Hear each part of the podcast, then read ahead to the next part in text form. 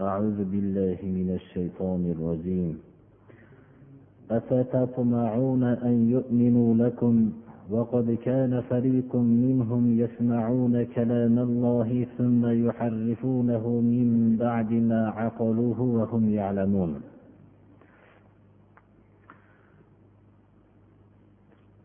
alloh subhanahu va taolo bani isroil tabiatini qanday ekanligini va ularning muso alayhissalom ulug' payg'ambarlariga nisbatan qanchalik bir munosabatda beodobona bo'lgan munosabatda bo'lganligini bayon qilgandan keyin ularning eng og'ir kunlari bo'lgan fir'avn davridagi najotini eslatib o'tgandan keyin va u najot bergandan keyin nil daryosidan ham salomat saqlab olib o'tgandan keyin bu sahrolarda jazirama issiqlarda alloh subhanahu va taolo soyabon qilib bulutlarni soyabon qilib ularga ko'p shirinliklarni parranda go'shtlarini podshohlar ziyofatida bo'ladigan ne'matlar bilan berganligini va undan keyin muso alayhissalomgadan oxirgi marta bular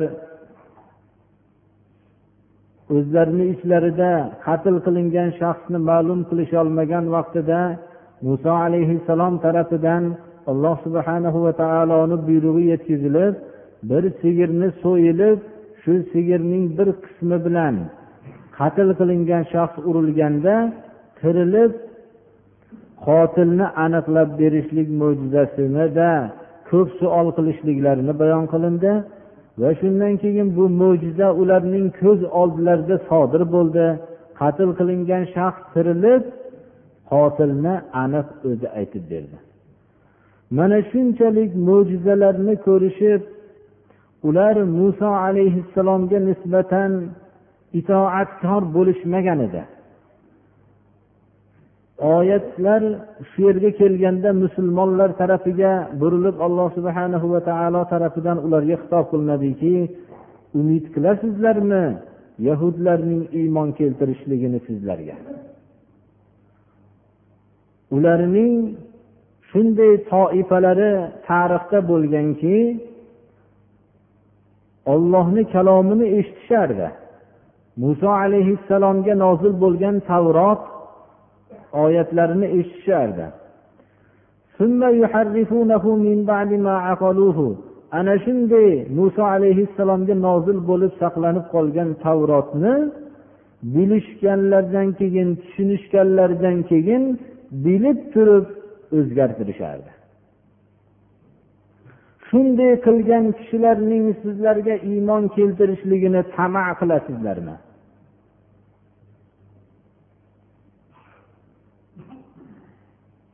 ularning bir toifalari استعيذ بالله وإذا لقوا الذين آمنوا قالوا آمنا وإذا خلا بعضهم إلى بعض قالوا أتحدثونهم بما فتح الله عليكم deyishadi alloh subhanahu va taolo yahudiylarning janobi rasululloh sollallohu alayhi vasallamdagi yashab ularning qilgan hiyla nayranglarni bayon qilib shu oyatda shunday deydiki ularni bir toifalari mo'minlarga ro'baro' bo'lishsa iymon keltirdik deyishadi iymon keltirdik deyishib o'zaro xoli bo'lishganda ya'ni mo'minlarga aralashib yurib munofiqlik qilib yurganlari mo'minlarga iymon keltirdik deyishadi. Ammo peshvo bo'lgan yahudlari bilan o'zaro xoli bo'lishganda bir birlariga aytishadiki ashobi muhammad sollallohu alayhi vasallamni alloh taolo sizlarga tavrotda bayon qilgan narsalar bilan xabardor qilasizlarmi? Tavrotda payg'ambarimiz sollallohu alayhi vasallamning sifatlari bayon qilingan edi. Kelajakda oxirgi payg'ambar bo'lgan muhammad sollallohu alayhi vasallamning sifatlarini bayon qilingan edi. Bularning ahli kitoblar bilishardi. Bilishib ular oxirgi payg'ambarni makka mushriklari bilan jang bo'lgan vaqtda yaqin kunlarda alloh subhana va taolo oxirgi payg'ambarni jo'natadi biz birga qo'shilib sizlarni g'olib qilamiz deb kutishardi o'zlari. Ana bu xabarlarni rasululloh sollallohu alayhi vasallam arab millatidan payg'ambar bo'lganlaridan keyin bekitisha boshlashdilar. Ana bekitishib ba'zilari buni bayon qilib qo'yardi mana. Shuni o'zaro xoli bo'lishganda aytishardiki ashobi muhammad sollallohu alayhi vasallamni olloh sizlarniga bayon qilib tavrotda bayon qilgan sifatlari bilan xabardor qilib qo'yasizlarmi? Agar shunday qilsanglar ular shu xabaringlar bilan rabbiylarni huzurida sizlarga hujjat qiladi qiyomatda bular o'zlari bilishardilar muhammad sollallohu alayhi vasallamning barhaq ekanligini iymon keltirishmagan deb qiyomat kuni hujjat qilishadi deyishardi. Ular dillarida haq ekanlik bilan oxiratga borib qolsak birov bilmay qoladi. Hatto alloh subhana va taoloning maxfiy narsalarni bilishlik sifatini inkor qilishardi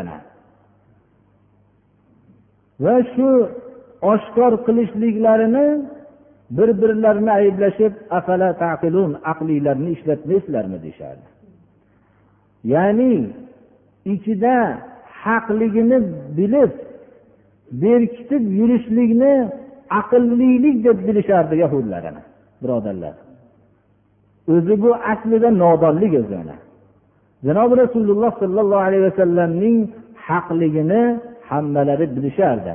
lekin buni ba'zilari tarafidan oshkor bo'lib qolganda bir birlarini malomat qilishardi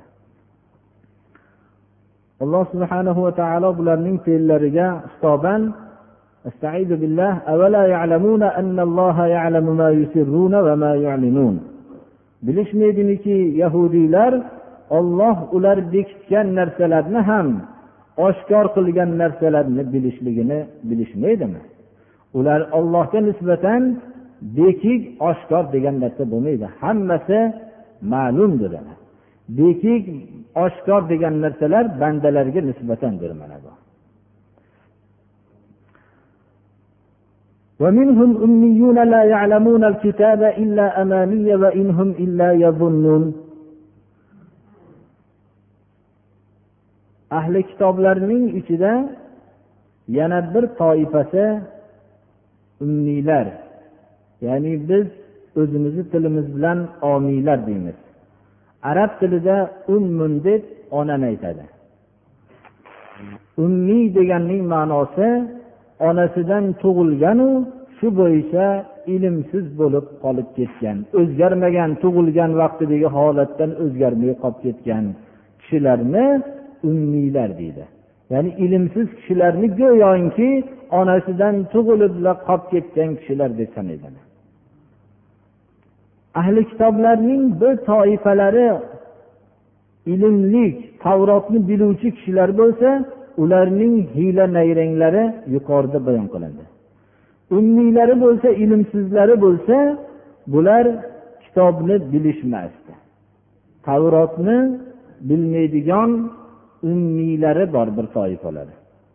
Ular tavrotni bilishmaydi. Magar orzularni bilishadi. Biz ollohni o'g'limiz deyishardi ahli kitoblar yahud nasorolar. Ollohni suyimli bandalarimiz deyishardi. Ular bizni do'zaxga olloh kirgizmaydi deyishardi. Shunday orzulardan boshqa narsani bilmaydi. Xuddi bizni xalqimiz ichida ham biz ollohni suyimli bandalari bo'lgan ekanmiz degan so'zdan boshqa narsani bilmaydigan musulmonlar bo'lganga o'xshagan birodarlar ana orzudan boshqa narsani bilmaydigan ummiy umumiy xalqlari bor. Bular faqat gumondan boshqa narsa qilishmaydilar. Bularning orzularini bilishliklari alloh subhanahu va taoloning azobidan qutqara olmaydi. Ana bu umumiy xalqlarni ahli kitoblar olimlar ana shunday orzular bilan aldab yashardi. O'zlarining rahbarliklari ketib qolmasligi uchun o'zlarining nayrang hiylalari ma'lum bo'lib qolmasligi uchun umumiy xalqni shunday orzular bilan yashashlikka majbur qilib aldab yashashardi. Alloh subhanahu va taolo ana shu aldagan ahli kitoblarga nisbatan mana bu oyatni e'lon qildiki ثم يقولون هذا من عند الله ليشتروا به ثمنا قليلا فويل لهم مما كتبت أيديهم وويل لهم مما يكسبون ahli kitoblar tavrotni ba'zi oyatlarini bekitishardi masalan rajm oyatlarini bekitishardi. Rajm turmush qilgan erkak yoyinki ayol buzuqlik qilsa toshbo'ron qilib o'ldirilishligi edi. Mana bu narsani sharafliroq kishilarda oilasidan bo'lsa bekitishib bu oyatlarni bekitishib har xil dunyo topishardilar. Va o'zlarini qo'llari bilan ba'zi narsalarni yozib berishardi. Va keyin bu narsa ollohni huzuridan deb o'zlari yozgan narsalarni shunda e'lon qilishardilar. Tavrotni buzilishligi ikki tur bilan buzishardi. Birinchi tavrotni oyatlarini o'zlari tarafidan o'zgartirib yozib ollohni huzuridan deb buzishardi. Yoyinki oyatlarni tavil qilib o'zlarining ra'yiga muvofiq qilib bayon qilishardi. Bu ikkinchi buzishlikni turi edi alloh subhanahu va taolo qur'onni lafzlarini buzilishligidan o'zi saqladi qiyomatgacha.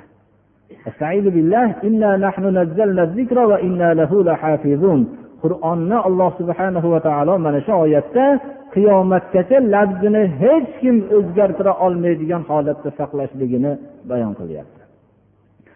Ammo qur'on oyatlarini o'zini ra'yiga burib yo moli davlatni qo'lga keltirishlik uchun yo martabani qo'lga keltirishlik uchun yo o'zi turgan martabani qo'ldan chiqib ketmasligi uchun tavil qilayotgan musulmon olimlar ham mana shu safdan o'rin olishadilar birodarlar.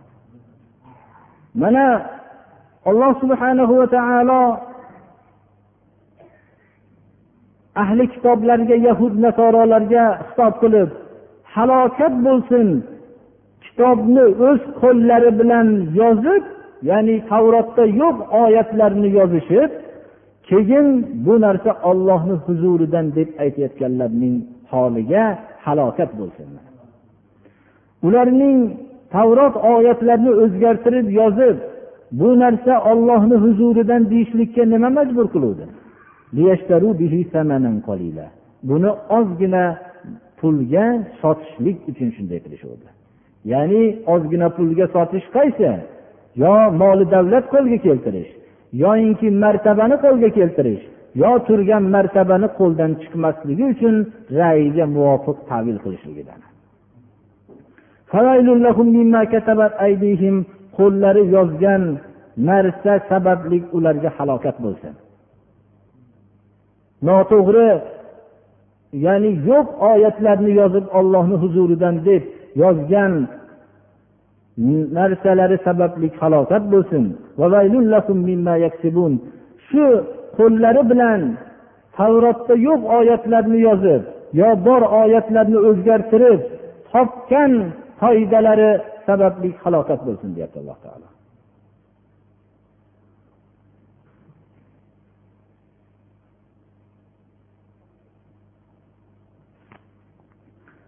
Mana bu oyat bani isroil tarixida bo'lgan oyatlar bizlarga alloh subhanahu va taolo shularni nozil qildiki ularning shunday qilgan hollari sababli ular millatlarning orqasidan o'rin olishdi.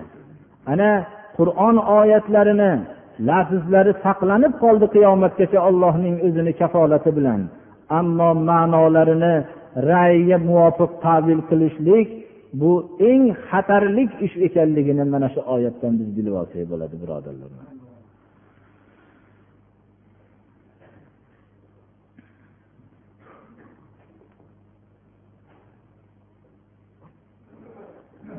Alloh subhanahu va taolo qur'on oyatlariga amal qilishlikka hammamizga tavfiq ato qilsin.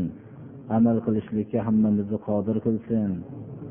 ra'ylarga muvofiq qilib oyatlarni burib ketishlikdan alloh o'zi saqlasin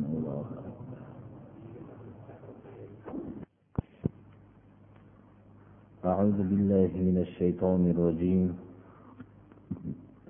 وقالوا لن تمسنا النار إلا أياما معدودة قل أتخذتم عند الله عهدا فلن يخلف الله عهده أم تقولون على الله ما لا تعلمون avvalgi oyatda mana izohlab o'tdikki bani isroilning ummiy qismlari ya'ni avomni tashkil qilgan qismlari har xil duoni qilishardi. Ollohni suyumli bandasimiz ollohni farzandlarimiz deyish darajasigacha chiqishib ketgan edi.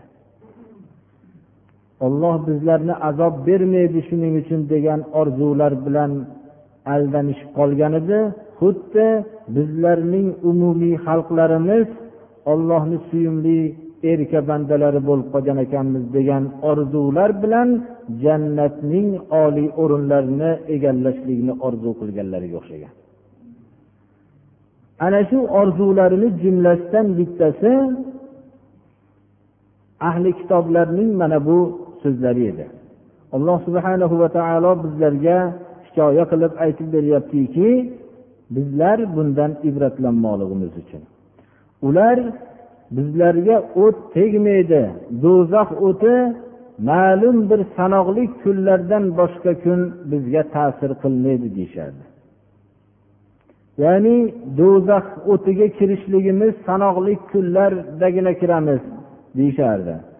Bular muso alayhissalom tur tog'iga ketgan vaqtlarida do'zaxga ibodat qilishgan edi. Ana shu buzoqqa ibodat qilgan kunimizcha azoblanamiz deyishardi mana. Alloh subhanahu va taolo bularning noto'g'ri orzulariga raddan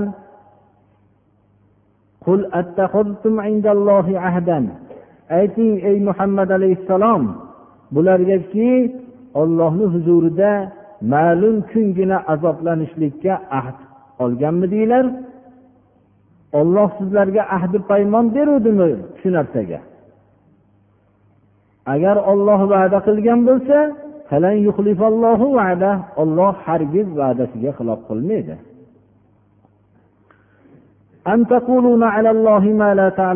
Yoyinki ollohga bilmagan narsani gapiryapsizlarmi? O'zinglar bilmagan narsalarni gapiryapsizlarmi? Avvaldagi ollohni kalomini buzib yoyinki buzib tushuntirishlik gunohiga yana ollohga bo'xton qilish gunohini ham qo'shib olyapsizlarmi deng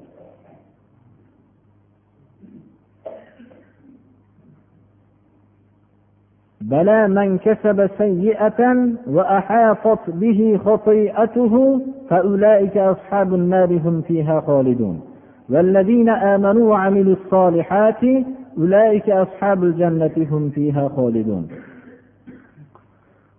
alloh taolo bu yahudiylarning ahli kitoblarning davolarini yolg'on ekanligini bayon qilib va o'zining jazo beradigan kundagi sunnati qanday ekanligini bayon qilyapti. Bala yo'q sizlarni albatta sizlarga do'zax o'ti yetadi. Sizlar do'zax o'tida bo'lasizlar ey ahli kitoblar. Oxiratdagi yaxshilik mukofoti yomonlik mukofoti amalga qarab bo'ladi. Qaysi bir kishi yomon gunohlarni qilgan bo'lsa va bu kishini qilgan gunohlari xatolari shu darajada ko'p bo'lsaki atrofini xuddi dushman o'rab olgandek xatolari shunday ihota qilib o'rab oladigan darajada ko'p bo'lgan bo'lsa bular haqiqiy do'zaxni egalari shular deyapti alloh taolo. Ular bu do'zax o'tida abadiy bo'lishadi. Kasaba sayyiatan kalimasidagi kasb ma'nosi arab tilida bir foydani bildiradi gunoh ishlarni qilayotgan odam o'zi afsus foyda ish qilyapman deb gumon qiladi. Alloh subhanahu va taolo mana bu iborani kasaba kalimasi bilan ta'bir qilyaptiki gunoh qilayotgan odamlar foyda qilyapman deb o'ylashadilar. Hatto shunday odamlar borki gunohlarni ko'pligidan xuddi atrofini dushman o'rab olgandek u dushmandan qutulib qochib chiqishlik imkoniyati yo'q bo'ladigan darajada o'rab olgandek xatolari ham shunday o'rab olgan bo'ladi. Gapirishi ham xato eshitishi ham xato yurishi ham xato turishi ham xato hatto uxlashligidan maqsad ham uyg'ongandan keyin bir gunohni niyat qilib uxlaydi. Mana bu gunoh uning hamma atrofini ihota qilib olgan. Xuddi atrofini ihota qilib olgan dushmandan qutulishlik mumkin bo'lmagandek gunohidan ham qutulishligi mumkin bo'lmaydigan darajada gunohda og'ushda bo'lgan kishilar hayotda bor. Ana bu gunohini xuddi shunday tushunsinki atrofidagi hamma qilayotgan gunohlarini ihota qilib turgan dushmanidek tushunsin buni bu xatolarni atrofini to'la ihota qilib oladigan holatga borib qolmasinki atrofini ihota qilib turgan dushmandan qutulishlikni iloji bo'lmagandek xatolardan ham qochib qutulishlikni iloji bo'lmay qoladi. Ana u vaqtda ollohni sunnati unga joriy bo'ladida haqiqiy do'zax egalariga aylanadi.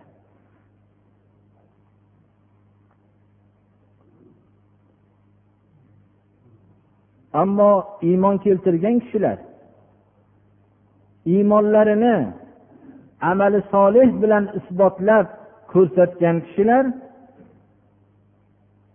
bular jannat egalari. Jannatda abadiydirlar iymon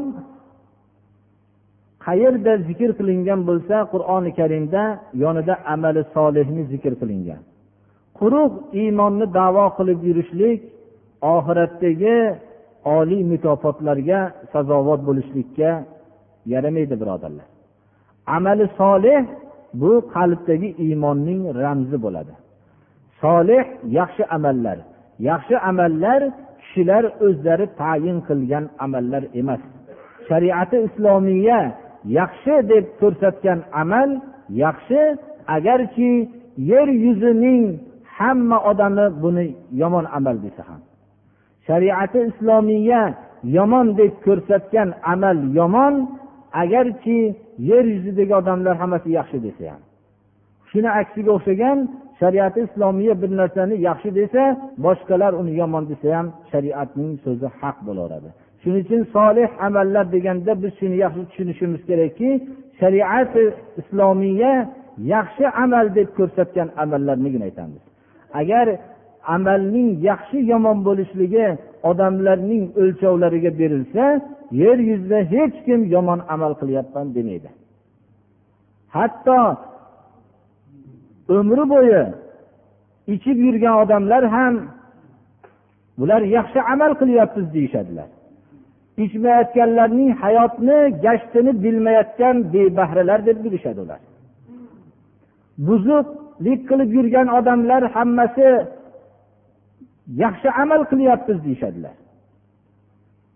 Bu kechalarda o'g'rilik qilayotgan odamlar odamlar shirin uyquda dam olib yotganda biz shirin uyqumizni bezovta bo'lib shu uyqudan voz kechib tirikchilik qilyapmiz deb o'ylashadilar. Odamlarning o'zlariga amalning yaxshi yomonini o'lchashlik topshirilsa mana bunday hayotning mezoni iztirobli bo'lib qoladi. Shuning uchun amalning yaxshi yomon bo'lishligini odamlarning ixtiyorlariga berilmadi. Amali solih qilishgan bo'lsalar degan mazmundan shariat solih degan amalni biz solih deymiz. Ayollarning hijobda yurishligini solih amal deymiz.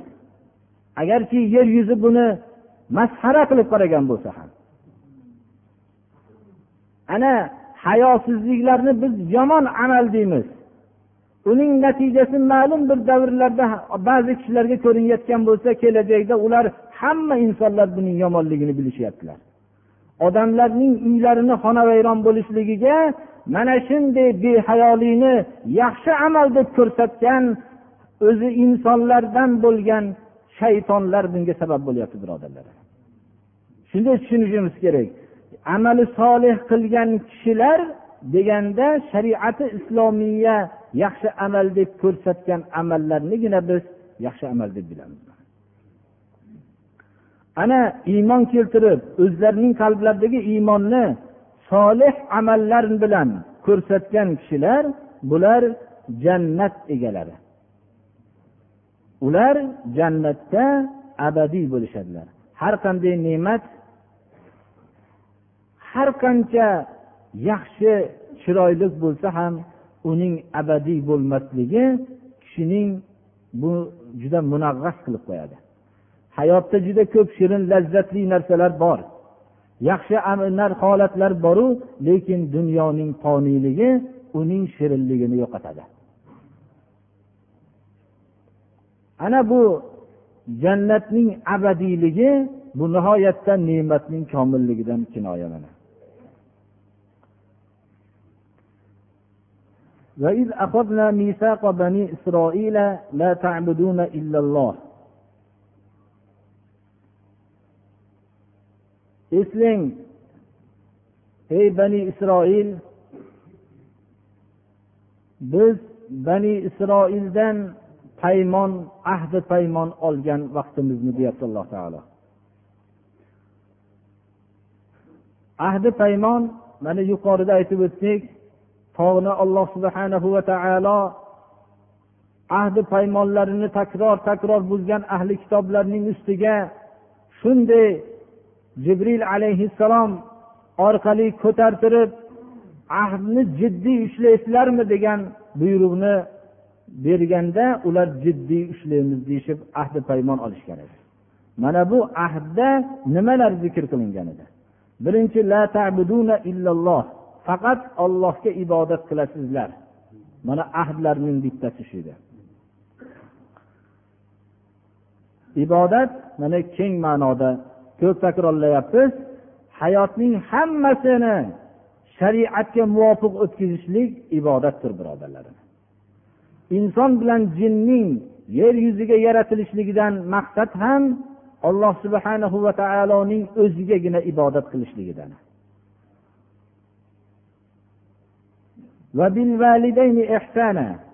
Ota onalarga yaxshilik qilishlikka biz buyurgan edik mana. Mana shu ahdni esga olinglar.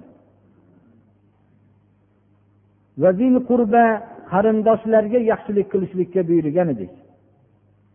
Yetimlarga yaxshilik qilishlikka buyurgan edik.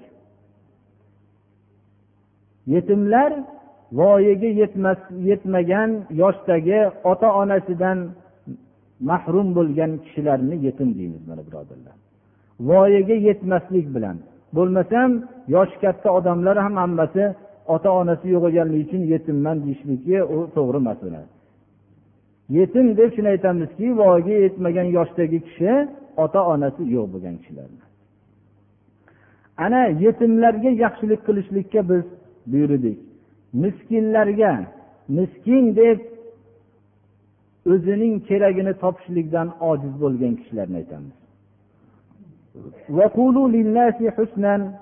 Odamlarga yaxshilik yaxshi so'zlarni aytinglar deb buyurgan edik.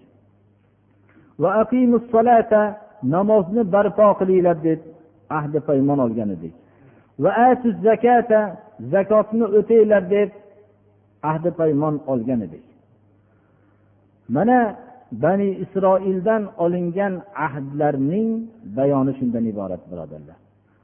Mana rasululloh sollallohu alayhi vasallamning davridagi ahli kitoblarga alloh taolo o'tgan ajdodlarida olingan ahdi paymonni zikr qilyaptiki rasululloh sollallohu alayhi vasallam olib kelgan shariat ularningda olingan ahdlarning quvvatlab kelgan yo'l ekanligini bildiryapti shariati islomiyada yakka ollohga ibodat qilish ota onaga yaxshilik qilish qarindoshlarga yaxshilik qilish yetimlarga yaxshilik qilish birodarlar. Yetimlar molini talon taroj qilishlik hatto bani isroilga kelgan shariatlarda ham bo'lmagan birodarlar. Miskinlarga yaxshilik qilish odamlarga yaxshi so'zlarni so'zlash namozni barpo qilish zakotni o'tashlik. Demak bu ahdi paymonlarda olingan ahdlarni rasululloh sollallohu alayhi vasallam olib kelgan shariat quvvatlagan edi.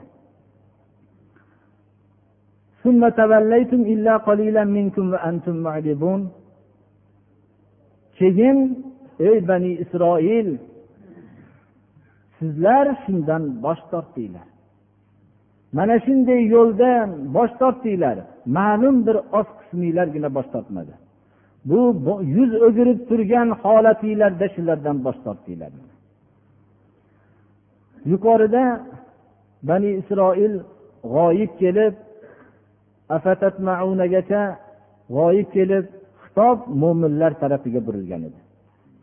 Mo'minlar tarafiga xitob kelayotib turib kelganda bani isroil tarafiga burildi.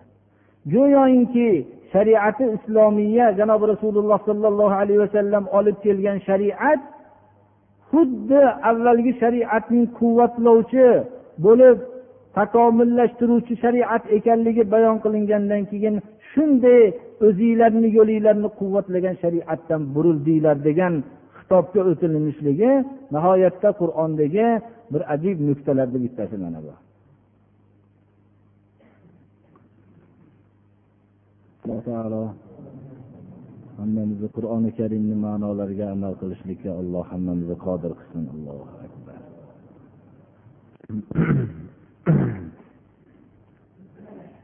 بالله من الشيطان الرجيم وإذ أخذنا ميثاقكم لا تسفكون دماءكم ولا تخرجون أنفسكم من دياركم ثم أقررتم وأنتم تشهدون. ثم أنتم هؤلاء تقتلون أنفسكم وتخرجون فريقا منكم من ديارهم تظاهرون عليهم بالإثم والعدوان. وإن يأتوكم أسارا تفادوهم وهو محرم عليكم إخراجهم أفتؤمنون ببعض الكتاب وتكفرون ببعض فما جزاء من يفعل ذلك منكم إلا خزي في الحياة الدنيا ويوم القيامة يردون إلى أشد العذاب وما الله بغافل عما تعملون صدق الله العظيم janobi rasululloh sollallohu alayhi vasallam madinaga kelish hijrat qilib kelishliklaridan ilgari madinadagi mashhur arab mushriklarining qabilalaridan avs bilan hazraj qabilasi hech qaysi bir arab millatida bu darajada o'rtalarida adovat kuchaygan qabila yo'q edi. Avs bilan hazrat qabilasining bir biri bilan o'rtadagi adovatidan tabiiy dushmanlar foydalanishlikka harakat qilishardi. Bu dushmanlar madinada in qurib olgan yahud millatlari banu qaynuqo va hamda bani nazir va hamda banu qurayza qabilalari edi. Banu qaynuqo va banu nazir yahudiy qabilalari hazraj qabilasi bilan ittifoqdosh bo'lib olishgan edi. Bani nazir qabilasi bo'lsa banu qurayza qabilasi bo'lsa avs bilan ittifoqdosh bo'lgan edi. Avs bilan hazraj qabilalari bir birlari bilan jang qilganda yahudlar ham ittifoqdoshlari bilan qo'shilib jang qilishardi. Qur'oni karimda mana bu oyatda alloh subhanahu va taolo bani isroil ustidagi olgan ahdini bani isroilning eslashlikka buyruq qilib eslang ey bani isroil sizlarning biz paymon ahdlaringlarni olgan vaqtimizni ahdi paymonda bir biringlarni qoninglarni to'kmaysizlar va bir biringlarni diyoringlardan chiqarib tashlamaysizlar degan ahdi paymonlarda shartlar bor edi. Bunga sizlar iqror bo'lgan edinglar. Shu ahdi paymonlarning guvohi bo'lgan holatlaringlarda.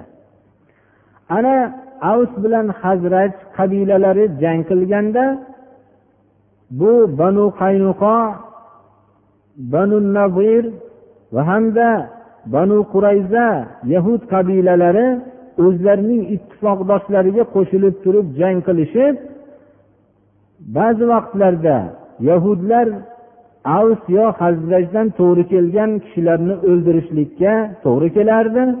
Shu bilan birga ittifoqdoshlari qo'shilib jang qilayotganda yahudlar yahudlarni o'ldirishligi ham to'g'ri kelardi mana bu bani isroil ustida bir birlarini qonlarini to'kmaslik va bir birlarini shu bilan mag'lub bo'lgan qabilalarni diyorlaridan chiqarib tashlashardi shunda o'zlarining millatlaridan bo'lgan yahudlarni ham chiqarib tashlashlikka to'g'ri kelardi jangda. Bu bani isroil ustida olingan ahdga bir zid ishlar edi. Ular ba'zi iqtisodiy manfaatlarini o'zlarining mavqelarini saqlashlik uchun avs bilan hazratni bir biriga urushtirib turardi. Xuddi har bir o'zining martabasini yoyinki iqtisodiy manfaatlarni ko'zlagan dushmanlar musulmonlarni hozirda ham bir birlarini urushtirib turganday birodarlar.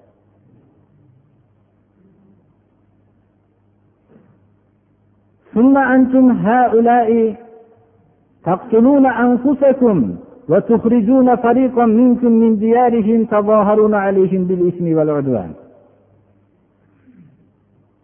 keyin ey bani isroil mana sizlar bir biringlarni qatl qilyapsizlar kalimasi nihoyatda bir diqqatga sazovorki bir toifa bir millatning bir birini o'ldirishligi qatl qilishligi xuddi o'zini qatl qilgan degan. O'zinglarni qatl qilyapsizlar. Musulmonlar bir birlari bilan jang qilishlari bir birlari bilan kelishmasliklari go'yoki o'zini bilan kelishmayotganligi o'zini qatl qilishlik bilan barobar birodarlar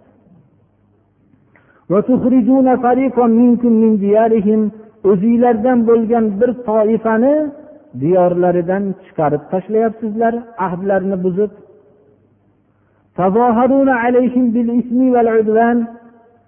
ularni ustiga gunoh va tajovuz bilan g'alaba qilyapsizlar.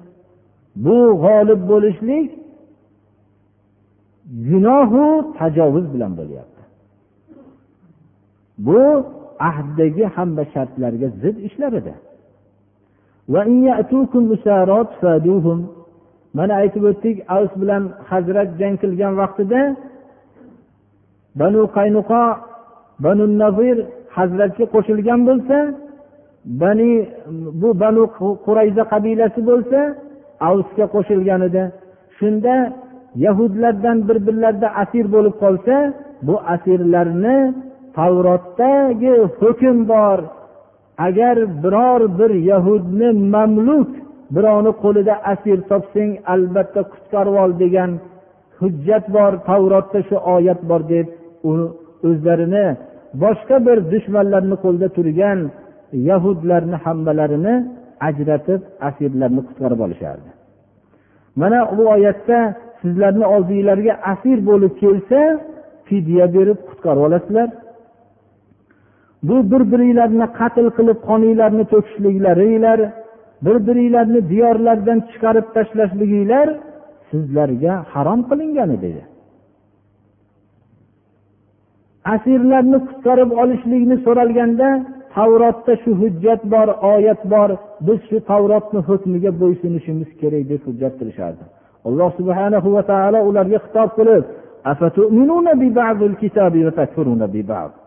kitobni bir qismiga iymon keltirib ikkinchi qolgan qismiga kofir bo'lasizlarmi? Ho'p asir bo'lib tushgan yahudni qutqarib olishlik tavrotda bo'lsa bir biringlarni qatl qilmanglar qoninglarni to'kmanglar diyoringlardan chiqarmanglar degan oyat ham tavrotda boru.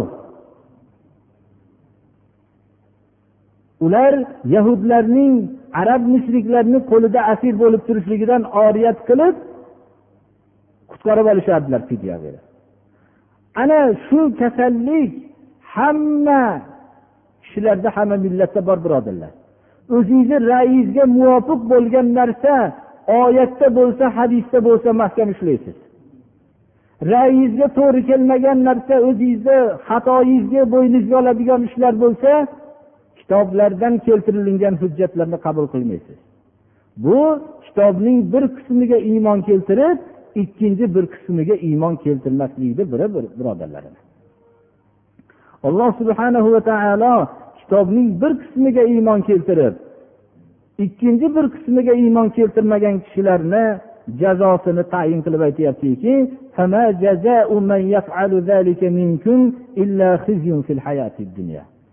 bunday ishni qilayotgan odamlarning ichinglardagi shunday ishni qilayotganlarning jazosi dunyoda hayoti dunyoda sharmandalik. Birodarlar ra'yiga muvofiq shariat hukmlarini ra'yiga muvofiq narsa bo'lsa mahkam ishlab o'zini xatosi bo'yniga tushadigan narsalarni qilmagan kishilar hayoti dunyoda sharmanda bo'lishganlar. Alloh taolo buni oyatda bayon qilyaptiki ichinglardan bunday narsani qilgan kishilarning jazosi hayoti dunyoda sharmandalik. Shun bilan qutulmaydi qiyomat kunida bu hayoti dunyodagi sharmandalikdan ko'ra qattiqroq azobga qaytariladi.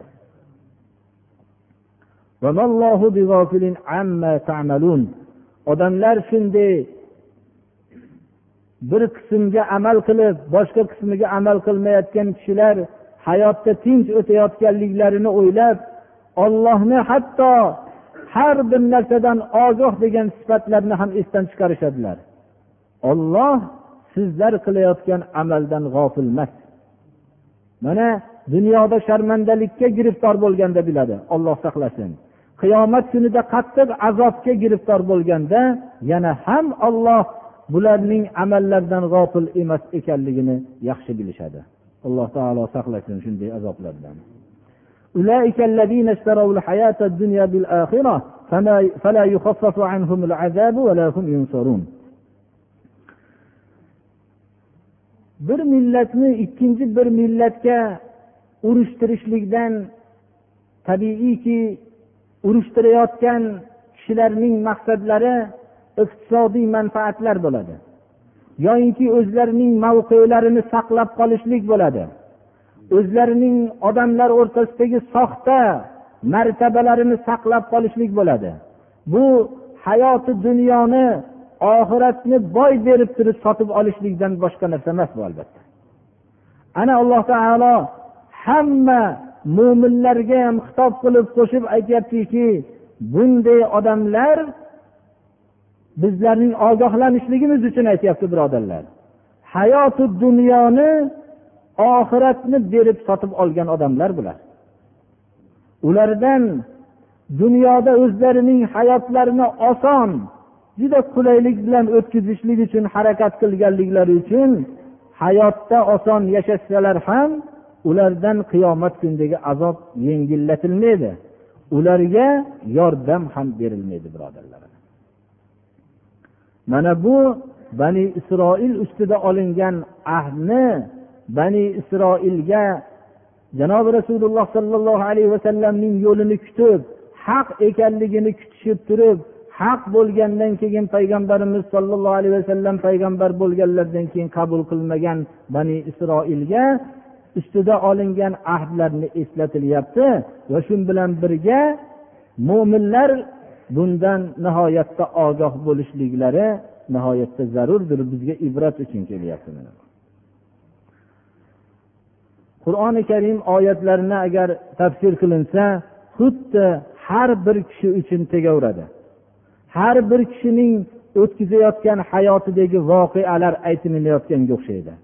Bu qur'oni karimning alloh subhanahu va taolo tarafidan nozil bo'lganligi insonlarni yaratgan zot tarafidan nozil bo'lganligi insonlarning ichki dunyolarini yaratgan zot tarafidan nozil bo'lganligini mana bu bir mo'jizalarini bittasidir birodarlar alloh taolo hammasini islomning shartlariga hammamizni ham amal qilishlikka alloh qodir qilsin allohu akbar أعوذ بالله من الشيطان الرجيم ولقد آتينا موسى الكتاب وقفينا من بعده بالرسل وآتينا عيسى ابن مريم البينات وأيدناه بروح القدس أفكلما جاءكم رسول بما لا تهوى أنفسكم استكبرتم ففريقا كذبتم وفريقا تقتلون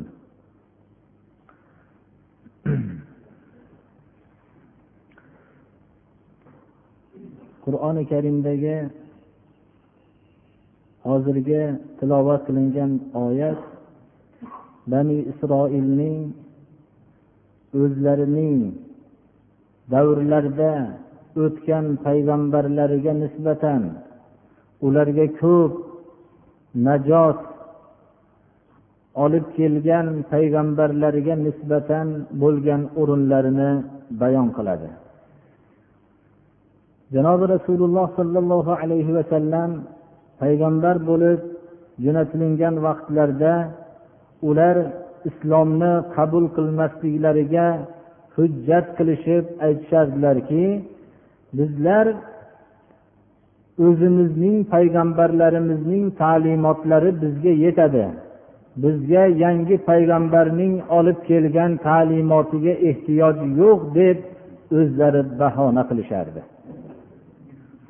Qur'oni karim mana bu oyat bilan ularni o'zlarining payg'ambarlariga nisbatan va ular olib kelgan shariat yo'llariga nisbatan qanday o'rinda bo'lishganliklarini ochib tashlab ularning sharmandalik achinarli holatlarini bayon qiladi. Alloh subhanahu va taolo shu oyatda mana bayon qilyaptiki bular sizga iymon keltirmasdan islomni qabul qilmasligiga g'amgin bo'lmang. Biz deydi alloh taolo muso alayhissalomga tavrotni berdik. Va u kishidan keyingi u kishidan keyin ko'p payg'ambarlarni bu kishiga ergashtirib payg'ambar qilib jo'natdik. Xususan isa ibn maryam janobi rasululloh sollallohu alayhi vasallamdan ilgariga o'tgan payg'ambarlardan iso alayhissalomga ochiq mo'jizotlarni berdik. Va u kishini jibril alayhissalom bilan madadlab madad madadlantirdik. Mana shunchalik muso alayhissalom ko'p mo'jizalarni olib kelishligi va u kishidan keyin paydarpay payg'ambarlarni kelishligi iso alayhissalomning ochiq mo'jizotlarni olib kelishligi va jibril alayhissalom bilan iso alayhissalomni madadlaganligimiz ularni haqiqatni qabul qilishligiga sabab bo'la olmadi. Ular shunday ochiq mo'jizotlarga ham qarshi chiqishgan edi ular.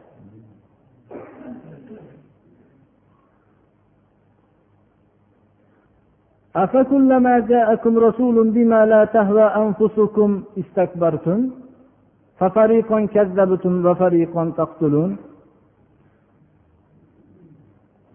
ey bani isroil sizlarga payg'ambar har qachon sizlarning nafsiylar xohlamagan narsani olib kelganda bosh tortinglar har doim bosh tortasizlarmi? Payg'ambarlar odamlarning nafsi havolariga muvofiq bo'lgan narsani olib kelishlik u yoqda tursin o'zlarining nafsi havolariga ham gapirishmaydilar ular. Ular alloh subhanahu va taolo tarafidan kelgan vahiyni hech qanday kishining xohlashligi yo xohlamasligiga qaramasdan ochiq haqiqatni so'zlashadilar. Lekin odamlar o'zlarini xohishlari raylariga muvofiq bo'lgan yo'lni havas qilishadilar. Agarki bunda ularning halokatlari bo'lsa ham. Alloh subhanahu va taolo mana bu oyatda payg'ambar sizlarga nafsiylar xohlamagan narsani olib kelsa har qachon shunday ishlarni qilsa sizlar bosh tortasizlarmi?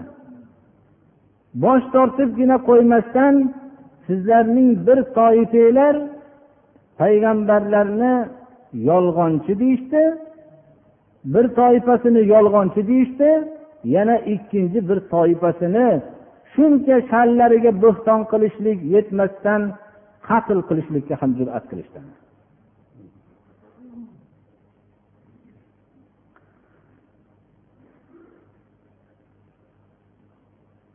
Odamlar haqiqatning o'zini davrida bilishmaydilar.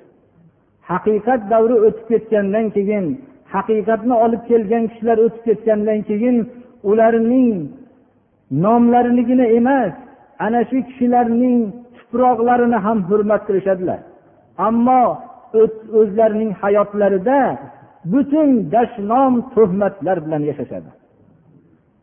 Payg'ambarlarni muso alayhissalomdek mana ulug' payg'ambarlardan o'tganlar kalimulloh shu kishini bani isroil butun hayotlarida quvg'inda olib yurishdi.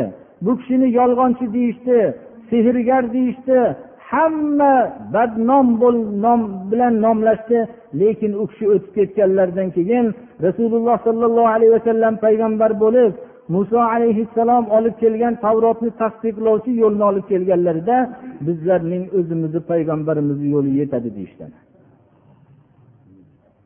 tarixga nazar tashlasangiz faqat payg'ambarlarnigina hayotida emas haqiqatgo'y bo'lgan kishilarga nisbatan ham odamlar shunday bo'lishdi. Imom azam rahmatullohi alayhi hayotlarida hatto bu kishini hech bir insonga aytishlik mumkin bo'lmagan dashnomlar bilan dashnom berishdi. U kishiga kufr nisbatlarini ham berishdi odamlar. Hatto u kishining qatl qatl qilindi. U kishini darra bilan qozilik mansabini qabul qilmaganliklari uchun u kishini o'ldirishdilar. Lekin u kishi o'tib ketganlaridan keyin imom azam rahmatullohi alayhi hamma hurmat qiladigan bo'ldi. Bu kishining hayotidagi gapirgan haqiqatlarini so'zlarini odamlar qadrlashmadilar. Imomi buxoriy bu kishini hayotlarida butun hadis ilmini jamlab olib kelishganlarida ham ana shu vaqtdagi o'zlarini musulmon deb sanagan kishilar hammalari shunday dinsizlar yashaydigan joylarga dinsizlar sig'diyu imom buxoriydek alloma sig'madi birodarlar. Ana u kishini u shahardan haydashlikka buyruq qilganlar dinni davo qilgan kishilar bo'ldi. Qaytib boshqa shaharga kelayotganlarida u shaharga kiritilmasin deyildi shunday alloma. Shunda u kishi ana shu yerda alloh subhanahu va taolodan omonatni olishligini duo qildilar. Duolar ijobat bo'lib mana hozir yotgan joylarida mana shu yerda vafot topdilar birodarlar. Odamlar haqiqatni odatlanishlari kerakki haqiqatni gapirib turgan kishilarga nisbatan hayotda shu haqiqatni biladigan bo'lishlari kerak. Bu haqiqatchi so'zni aytib ketgandan keyin hurmat qilishlik hammani qo'lidan keladi. Hatto bani isroil ham bu ishni qilgan birodarlar. Keyingi hurmatlashlik hamma odamlarga dinga mansub bo'lganu mansub bo'lmaganlarning hammasiga bir xil bir odat bu narsa.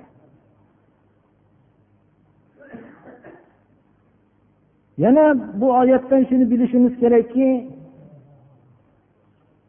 haqiqat ko'proq nafsi havoyimizga zid bo'lgan narsa ekanligini ham tushunishligimiz kerak. Biz haqiqatni olib kelgan zotlar tarafidan o'zimizni ko'nglimizga muvofiq bo'lishligini surishtirmasligimiz kerak. Nafsiylar xohlamagan narsani payg'ambar har qachon olib kelsa bosh tortasizlarmi? Bosh tortibgina qolmasdan bir toifasini yolg'onchi deb ikkinchi bir toifasini qatl qilasizlarmi? deyapti alloh taolo. Odamlarning xohishlari o'zgarib turadi. Har bir kishi o'zining shaxsiy hayotiga nazar tashlasa bugun bir narsani xohlagan bo'lsa bir fikrni ertaga uni ziddini xohlaydi. Odamlarning juda oz muddat ichida o'zgara boshlashadilar. Bir vaqtda bir fikrda turishsalar ikkinchi vaqtda u fikrdan qaytishib yana boshqa fikrga o'tishib olaveradilar. Hatto o'ylaysizki bu odam shu ilgarigi odammi yo boshqami deb qolasiz dunyoviy manfaatlarni ko'zlab yoinki qarindosh urug'likni ko'zlab yoinki o'zini joyida turgan do'stlarni ko'zlab yo boshqa narsalarni ko'zlab yo martabalarni ko'zlab. Ana shuning uchun alloh subhanahu va taolo tarafidan o'zgarmas bir qonuniyat keldiki bu shariat qonuniyati shuning uchun har bir narsani to'g'ri noto'g'riligini o'lchashlikda shariatga murojaat qilmoqlik kerakki shariat to'g'ri degan narsa to'g'riligicha qolaveradi agarki hamma odamlarga ma'qul bo'lmasa ham shariat noto'g'ri degan narsa noto'g'ri bo'ladi agarki odamlarning hammasi buni to'g'ri desa ham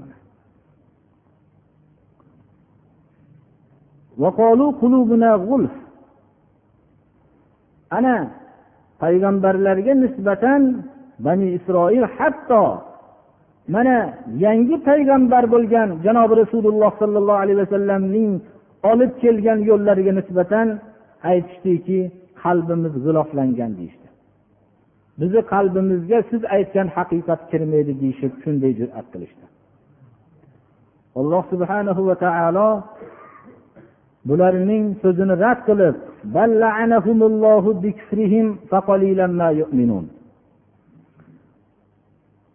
ular olloh tarafidan kelgan yo'lga kofir bo'lganliklari sababli ollohning la'natiga duchor bo'lishgan ularning qalblari g'iloflangan emas. Ular avval ollohni yo'liga kofir bo'lishdi. Kofir bo'lganligi uchun ollohning sunnati ularga joriy bo'ldiki kofir bo'lganlarga ollohni la'nati sazovor edi. Olloh la'nat qildi ularni kofir bo'lganliklari sababli. Ollohning la'natiga ular kufrlari sababli sazovor bo'lishdi. Tayyor kelgan haqiqatni o'zlarining huzurlarida shunday bir ochiq yo'lni olib kelgan payg'ambarga kofir bo'lganligi uchun albatta ular la'natga sazovor ham edi shuning uchun ular kam iymon keltirishdi ularning iymon keltirmayotganliklarini siri ular avval ixtiyorlari bilan kofir bo'lishdi ollohning la'natiga duchor bo'lishdi shuning uchun ular iymon keltirishmaydi mana bo'lib ham ularning iymon keltirmaganliklari juda ham achinarli edi odamzod umr bo'yi kutgan narsasi kelganda iymon keltirmasligi juda sharmandalik edi استعيذ بالله ولما جاءهم كتاب من عند الله مصدق لما معهم وكانوا من قبل يستفتحون على الذين كفروا فلما جاءهم ما عرفوا به كفروا به فلعنة الله على الكافرين bular kecha darsimizda aytib o'tdikki makka mushriklari bilan ahli kitoblar jang qilgan vaqtda xudoyo yaqinda jo'natadigan oxirgi payg'ambaringni vositasi bilan vosita qilishib xudoyo shu payg'ambarni jo'natgin shu payg'ambar bilan bularga g'alaba qilaylik deb duo qilishardi ana olloh tarafidan bularga kitob kelganda bu kitob ularning oldilaridagi tavrotni tasdiqlovchi edi. Dunyoda qaysi bir yo'l tuzilgan bo'lsa avvalgi yo'lni pachalaydi odamlar tarafidan tuzilgan yo'l. Nima uchun? Avvalgi odamning shaxsiyatini yo'qotishlikka harakat qiladi keyingi kishi. To avvalgi odamning shaxsiyati yo'q bo'lmaguncha keyingi odam o'zini ulug' odam deb isbotlay olmaydi odamlarga. Lekin payg'ambarlar olib kelgan yo'l doim bir markazdan bir o'rindan kelganligi uchun o'tgan payg'ambarlarning yo'lini tasdiqlab keladi. Mana qur'oni karim o'tgan payg'ambarlarning hammalarini yo'llarini tasdiqlab va shu bilan birga takomillashtirib keldi mana.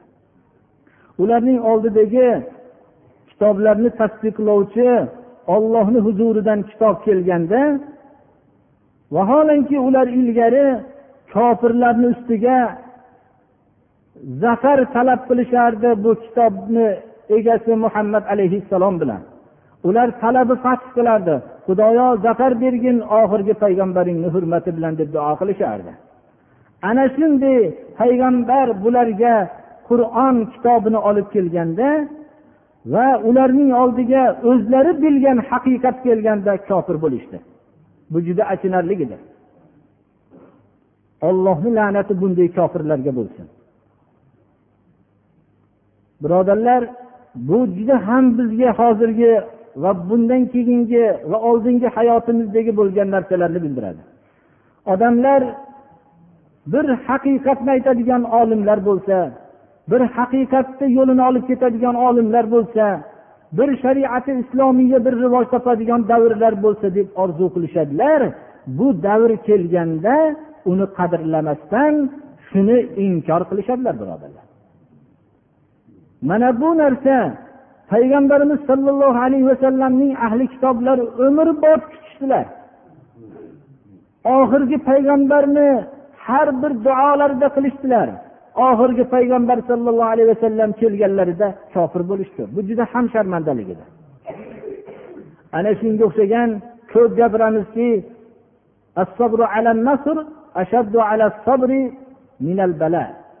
balo qiyinchilikka sabr qilishlikdan ko'ra g'alabaga sabr qilishlik qiyinroq. Orzu qilgan narsangiz kelgandan keyin buni o'zingizni sabr qilib ushlab qolishligingiz qiyinroq. Ba'zi kishilar aytadiki bir davlatim bo'lsa bir din yo'lida sarf qilsam deydi. Davlati bo'ladi lekin u va'dalari esdan chiqadi. Kasal kishilar orzu qiladi bir tandurust bo'lsam din yo'lida xizmat qilardim deydi.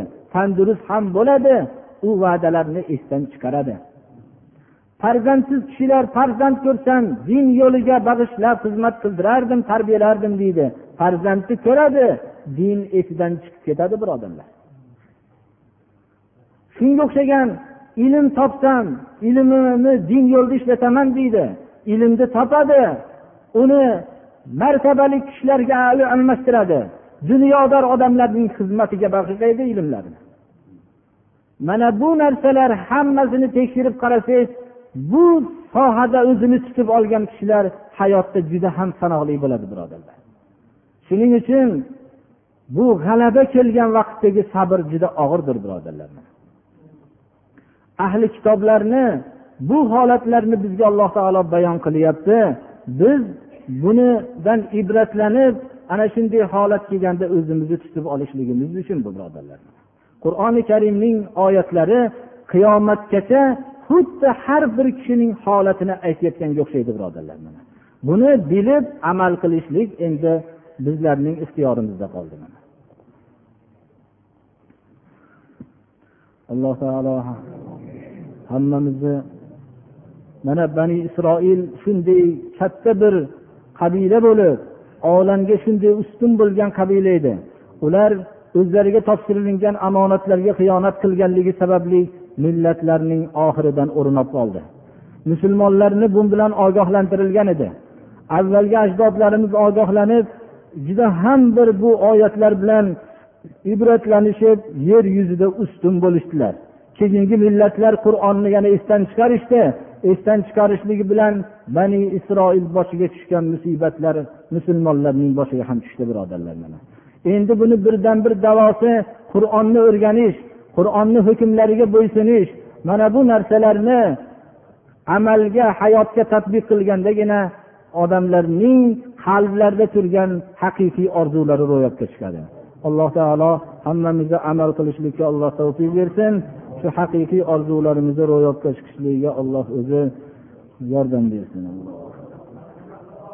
Alloh taolo parvardigoro bizlarni to'g'ri yo'lda barqaror qilsin.